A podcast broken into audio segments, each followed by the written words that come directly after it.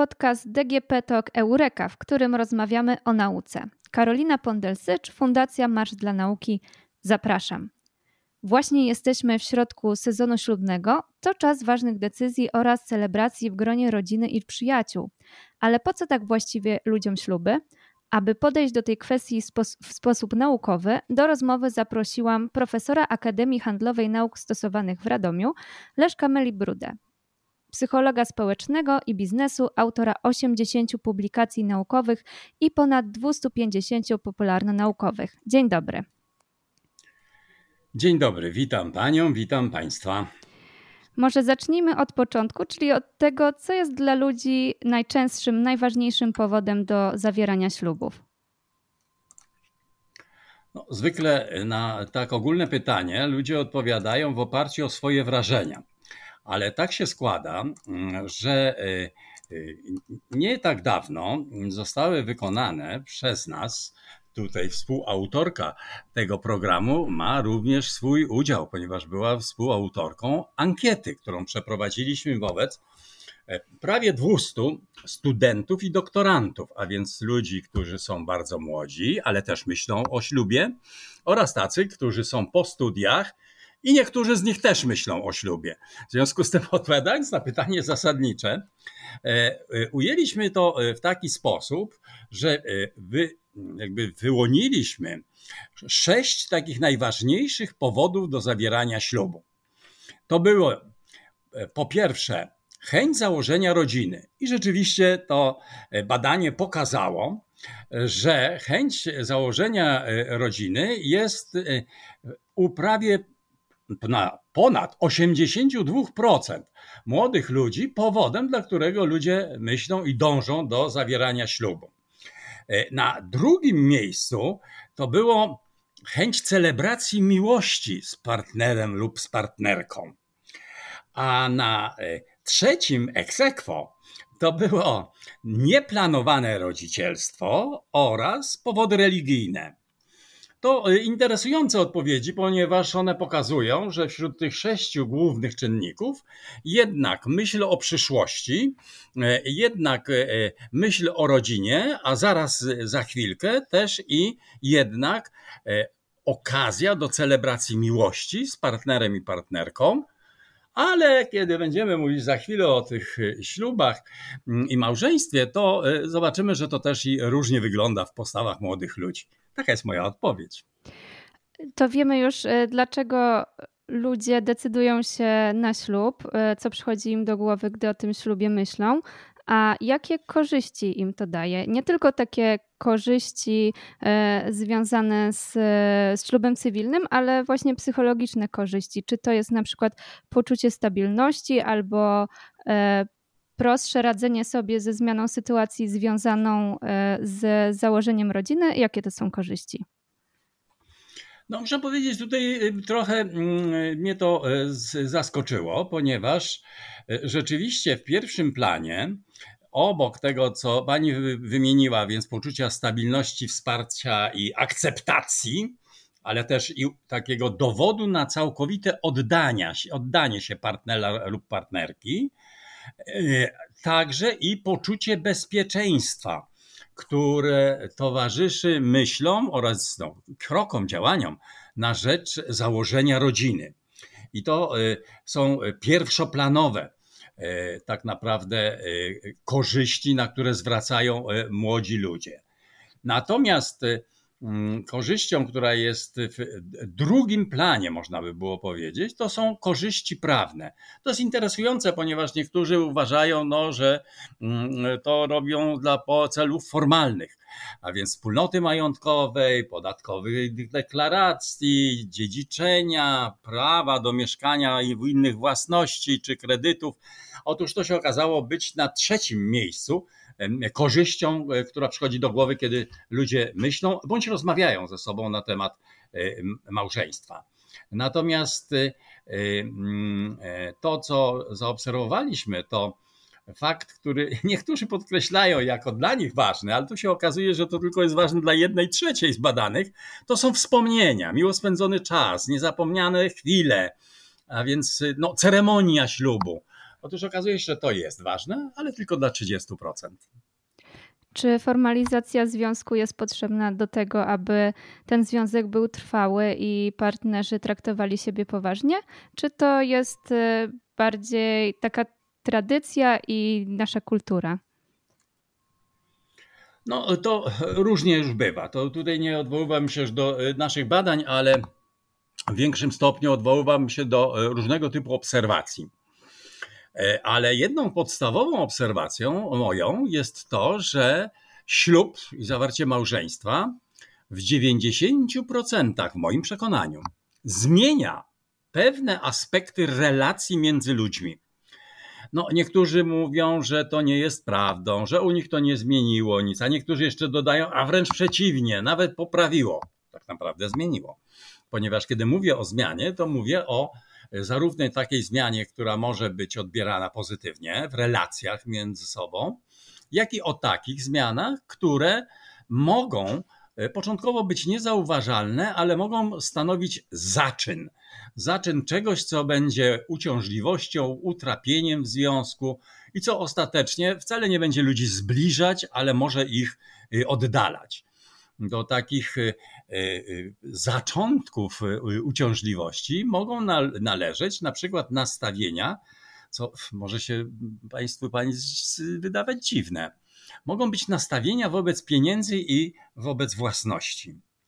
Otóż e, częściej mężczyźni niż kobiety, kiedy myślą, a mają czasami myśli lękowe na temat ślubu i małżeństwa, to między innymi te obawy dotyczą tego, ażeby druga strona, w tym przypadku partnerka, nie uważała, że on jest już jej własnością a więc to znaczy, że jego czas, jego zainteresowania, jego energia należy do niej i ona może na to wpływać i tym dyrygować, czyli kierować.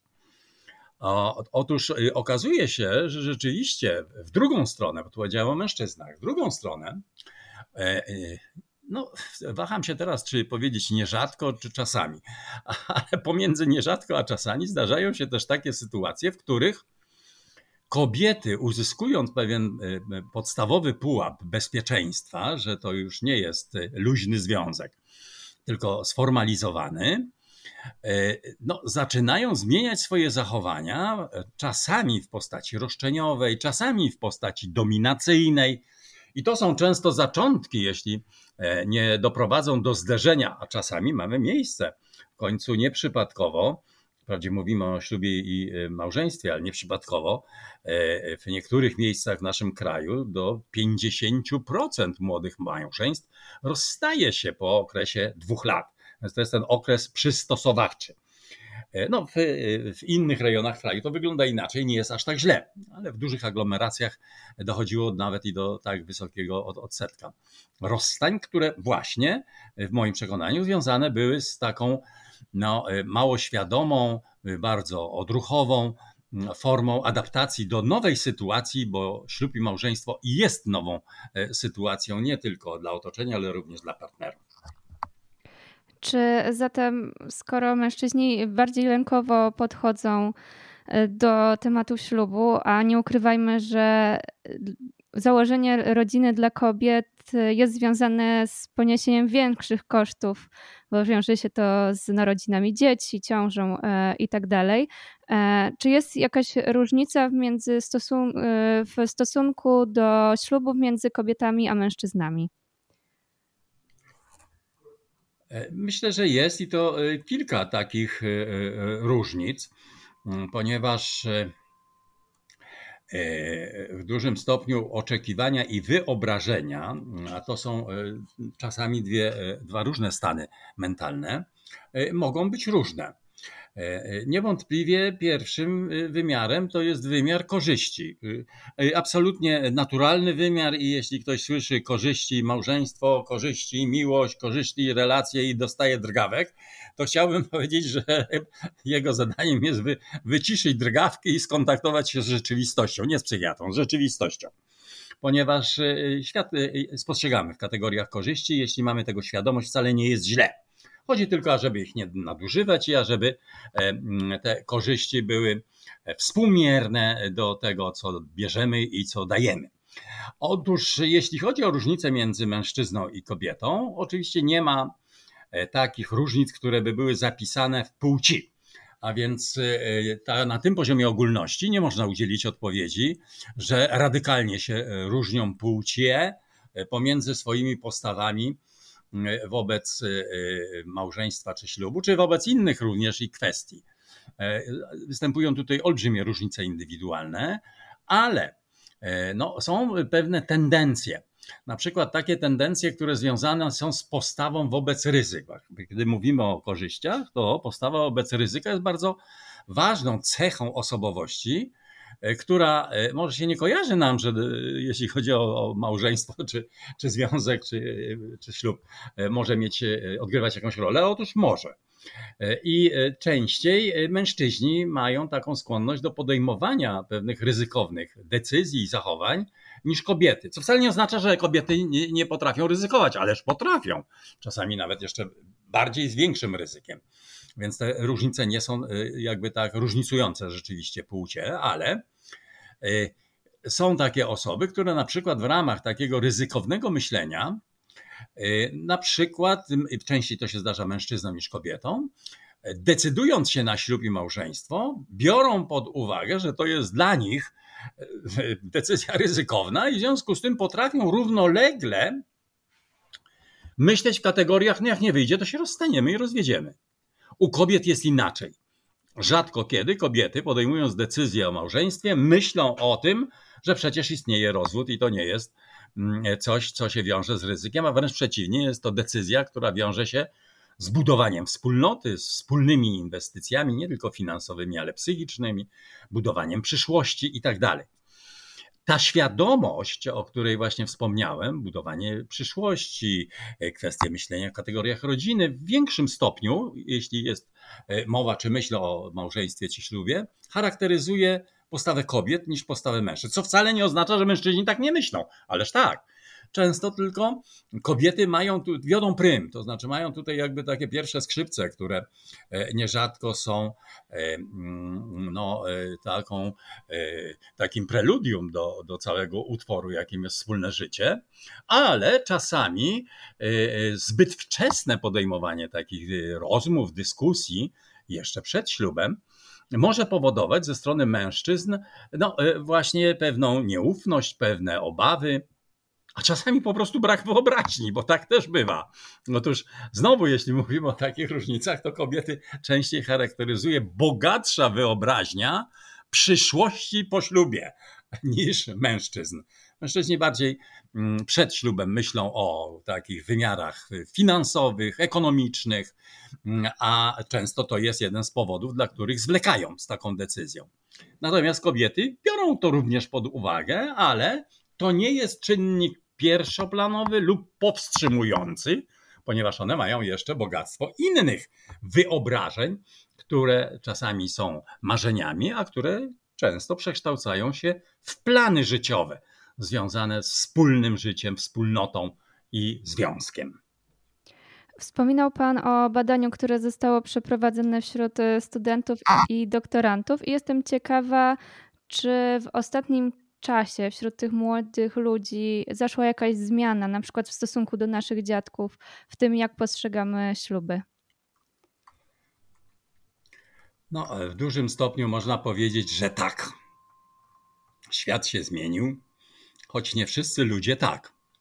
To znaczy, że y, w wielu przypadkach y, poglądy naszych dziadków są anachroniczne. One y, odwołują się do zupełnie innych warunków niż te, w których żyjemy.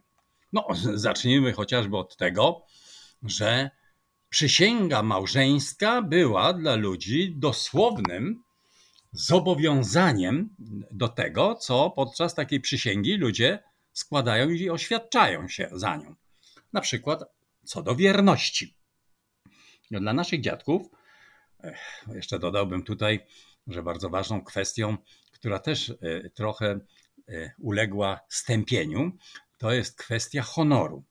Otóż wierność i honor chodzą ze sobą w parze. W związku z tym dzisiaj honor jest rozumiany nieco inaczej niż za czasów naszych dziadków i też i przysięga małżeńska nie w chwili jej zawierania. Myślę, że tak po roku to podejście do tej przysięgi jest już e, nieco odmienne od tego, co działo się jeszcze 40-50 lat temu. Przepraszam. Natomiast e, oczywiście istnieją też i inne wymiary e, tych różnic, mianowicie oczekiwania w stosunku do małżeństwa za tamtych czasów, a więc naszych dziadków. Wyraźnie małżeństwo było związane z budowaniem rodziny jako pewnego rodzaju mm, zobowiązanie. Dzisiaj wcale tak nie jest. Dzisiaj e, ludzie, nie wszyscy myślą od razu z automatu, że jak wzięliśmy ślub, jesteśmy małżeństwem, no to teraz e, dzieci. E, nie chcę powiedzieć, że robimy dzieci, bo to brzydko by brzmiało, ale myślimy o dzieciach, przygotowujemy się do tego. Są takie małżeństwa i tacy młodzi ludzie, którzy mówią: Halo, stop. My chcemy pobyć ze sobą razem, jakiś czas, na przykład 2-3 lata, często, głównie tutaj mężczyźni, dodają również i pewne, no nie chcę użyć takiego sformułowania, bo się nam źle kojarzy, kamienie milowe, ale dodają w każdym razie takie warunki, które e, powinny zostać spełnione, ażeby e, to e, małżeństwo przekształciło się w rodzinę szerszą, wypełnioną dziećmi czy dzieckiem. Ale też obserwuję to, również rozpocząłem na ten temat badania, nierzadko pojawiają się współcześnie, bardzo współcześnie, to znaczy to jest kwestia ostatnich dwóch lat, e, również i takie postawy, że częściej kobiety niż mężczyźni stawiają warunek, że nie chcą mieć dzieci, mogą być razem, mogą stanowić małżeństwo, ale rodzina ma być bezdzietna. To jest nowe e, zjawisko, E, zjawisko zresztą bardzo e, interesujące, ono nie dotyczy tylko naszego kraju. E, ono się rozprzestrzenia w wielu miejscach, również i Europy. Ja powiem szczerze, że byłem, właśnie wróciłem z wakacji, gdzie hotel, który cieszył się największą popularnością i obsadą, że tak powiem, to był hotel, który reklamował się jako hotel, który nie przyjmuje rodzin z dziećmi. W związku z tym ludzie byli skłonni przepłacać za to, że y, nie będzie gwaru dzieci. E, no to jest nowe zjawisko. Mm, oczywiście są tacy, którzy będą to potępiać, ale musimy mieć świadomość, że są różne e, trendy i że to wcale nie jest aż tak bardzo marginesowy, jakby się nam wydawało. Pokazuje, że to też jest pewna zmiana w stosunku do przeszłości.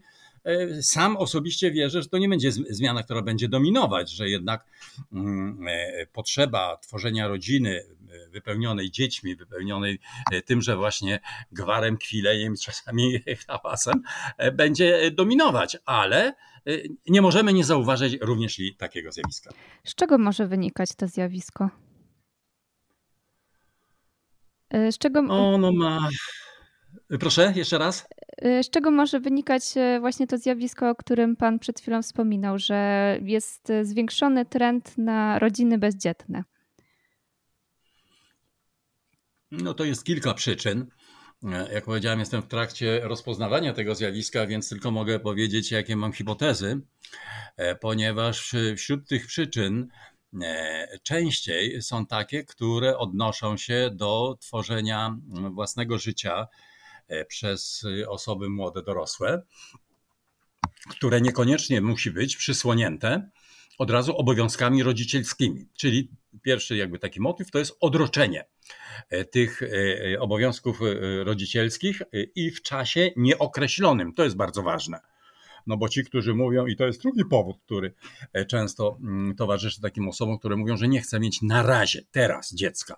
To jest to, że najpierw muszę się urządzić. Muszę mieć mieszkanie, muszę mieć samochód, muszę mieć warunki ekonomiczne do tego, żeby tworzyć rodzinę z dziećmi. E, są również i powody bardziej jeszcze osobiste i psychologiczne. Otóż są takie, e, zwłaszcza kobiety, mm, które e, podjęły taką życiową decyzję, z czego ta, że, że, że nie chcą mieć dzieci. I ta decyzja może wynikać z różnych powodów. To nie jest tylko kwestia lęku przed ciążą. To nie jest kwestia tylko tego, że te kobiety nie lubią dzieci. Odwrotnie znam przynajmniej ze dwie takie, które podjęły taką decyzję są w wieku no, 35-38 lat, dalej utrzymują tą decyzję i bardzo można powiedzieć, kochają dzieci. To znaczy świetnie się czują z dziećmi swoich przyjaciółek, z dziećmi w rodzinie, potrafią się bawić, spędzać z nimi czas. Ba, nawet zapraszać do siebie do domu e, na nocleg e, takie, ta, takich kilkulatków czy mm, siedmiu-dziesięciolatków, ale te kobiety nie chcą mieć własnych dzieci. Kropka. E, I tych pewnie powodów można by znaleźć więcej. Natomiast y, y, to jest pewnego rodzaju y, postawa współczesna. Ona nie jest tylko związana z takimi korzyściami ekonomiczno-materialnymi. To jest bardziej też i związana z pewnymi potrzebami, na przykład niezależności, na przykład e, e, samodzielności, e, na przykład unikania takiego obciążenia. No, mówię tutaj bez ocennie, żeby była jasność, że moje obserwacje pokazują, że to nie są decyzje, które się zmienią. Bo w wielu przypadkach przypuszczam, że one się nie zmienią. Znam również i takie kobiety, które są pod 60, przepraszam, które również podjęły wiele lat temu taką decyzję i są w tej chwili e, bezdzietne z wyboru. E, a więc e, to jest jeden z możliwych stylów życia, do których ludzie, kobiety mają prawo.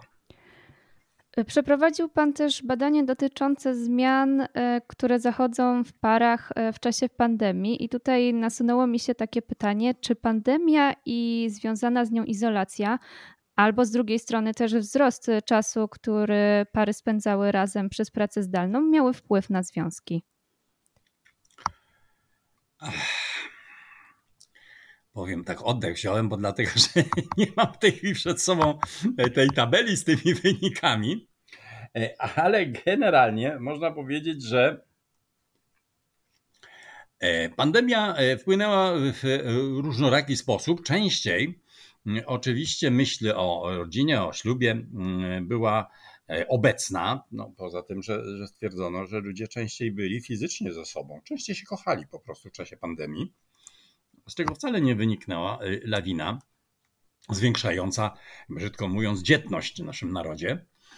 E, ale mm, y, były również i takie sytuacje, gdzie pandemia y, no, była punktem konfrontacyjnym w związkach, e, kiedy ludzie po prostu poznawali się, nie mogąc korzystać z zewnętrznych kontaktów z innymi lepiej, e, odkrywając często takie cechy i właściwości, które nie były tak wyraźnie widoczne na co dzień e, w czasie zgiełku, pośpiechu i wszystkiego tego, co przed pandemią i po pandemii dalej e, nas spotyka na co dzień. W związku z tym e, były i takie, i też nie należą one wcale do takiej rzadkości. Nie mam statystyki, żeby się odeprzeć tutaj danymi, ale mam obserwacje wypowiedzi ludzi, którzy mówią o tym, że w czasie pandemii, czy też przeżycie wspólne pandemii było nie tylko traumatyczne ze względu na samo zagrożenie COVID-em, ale również traumatyczne dla związków. W związku z tym ludzie podejmowali decyzję o rozstaniu, o rozejściu. E, więc można by powiedzieć, że pandemia jednych zbliżyła i to znacząco częściej, a innym ukazała rzeczywistość relacji, która to rzeczywistość spowodowała, że przynajmniej jedna ze stron podjęła decyzję o rozstaniu. Z indywidualnych przypadków, które obserwowałem po pandemii, e, zauważyłem, że e, nierzadko e, tą osobą, która wyraźniej zaobserwowała w czasie pandemii pewną pustkę emocjonalną, relacyjną, interpersonalną swoim partnerem, były kobiety. Natomiast kiedy zbliżałem się w indywidualnych przypadkach do tego zjawiska, to się okazywało, że kiedy kobiety rozpoczynały rozmowę ze swoim partnerem na temat tego, że no, często nie mają sobie nic do powiedzenia, albo że więcej mają do napisania w e, komunikatorach społecznościowych niż e, napisania czy powiedzenia do, do siebie, e, to często, mm, znaczy w tych przypadkach, które rozpoznawałem indywidualnie, mężczyźni reagowali bądź to agresywnie, co często było po prostu ucięciem takiego związku, zakończeniem dla kobiety był to dowód, że tam po prostu miłość się zakończyła. A czasami to było obwinianie kobiet, że to wszystko przez nie. I tu, jak zwykle w przypadku obwiniania, te argumenty mm, są wszelakiego typu, e, często e, bardzo subiektywne, e, więc wymyślone, a więc dalekie od rzeczywistości, ale w relacjach i związkach między ludźmi argumenty subiektywne są równie ważne jak argumenty oparte na faktach. Ludzie często o tym zapominają, bo y, oczywiście jest o wiele trudniejsza rozmowa, kiedy mamy dyskutować z argumentami subiektywnymi, które nie są adekwatne do rzeczywistości, nie mówią o faktach, tylko mówią o interpretacjach tych faktów. No ale w tak się dzieje. E, to, e, żeby poradzić sobie z taką sytuacją, wymaga mm, szczególnych umiejętności reagowania, e, spostrzegania, nazywania, więc używania określonych, określonego słownictwa i nieużywania określonego słownictwa i tak dalej. Otóż takie zjawiska miały miejsce w związku z pandemią, między innymi, oczywiście między wieloma innymi. Na koniec jeszcze chciałam spytać, jak pan myśli, czy w przyszłości e, zawieranie ślubu nadal będzie dla ludzi ważne, czy może jednak będą od tego odchodzić? Tak, będzie ważne. Chciałbym powiedzieć jednym zdaniem. E, dlaczego tak twierdzę? Ponieważ e, ceremonie i rytuały to jest to, co z dzikusów uczyniło nas człowiekiem. W związku z tym niezależnie od tego, jaki jest wymiar znaczeniowy tego ceremoniału czy rytuału, to on będzie odgrywał rolę, może będzie miał nieco zmienione formuły, prawdopodobnie będzie miał bardzo różnorakie podejście, a więc to podejście do ślubów będzie się bardzo zmieniać. To podejście do małżeństwa również będziemy mieli do czynienia z różnego typu nowymi formułowaniami, no, formami e, małżeństw, tak jak mamy do czynienia z nową formą rodziny, tak zwaną patchworkową. To jeszcze 40 lat temu było trudne do wyobrażenia sobie, dzisiaj to jest norma. A więc myślę też, że nie chcę powiedzieć, że za następne ileś tam lat będziemy mieli do czynienia z patchworkowym małżeństwem. Nie to sugeruję, ale sugeruję zmiany, różnego typu zmiany. One są zresztą już w tej chwili obserwowalne, ale jeszcze w wymiarze mini. E, niektórzy zaliczają je do takich zmian, które ocierają się o granice mm, e, niebezpieczne, a niektórzy mówią patologiczne. Ja bym nie zaliczał ich akurat do patologii. Niebezpieczne one mogą być, kiedy działają na szkodę którejkolwiek ze stron, ale myślę, że mogą być też i bardzo pozytywne zmiany, jeśli chodzi o stosunek do małżeństwa, nie tylko jako ceremoniału, ale jako pewnego e, ważnego etapu w życiu e, związku, w życiu e, ludzi ze sobą, budujących wspólnotę. Dziękuję bardzo za rozmowę. Dziękuję również. O ślubach z naukowego punktu widzenia rozmawialiśmy z profesorem Leszkiem Melibrudą, profesorem Akademii Handlowej Nauk Stosowanych w Radomiu.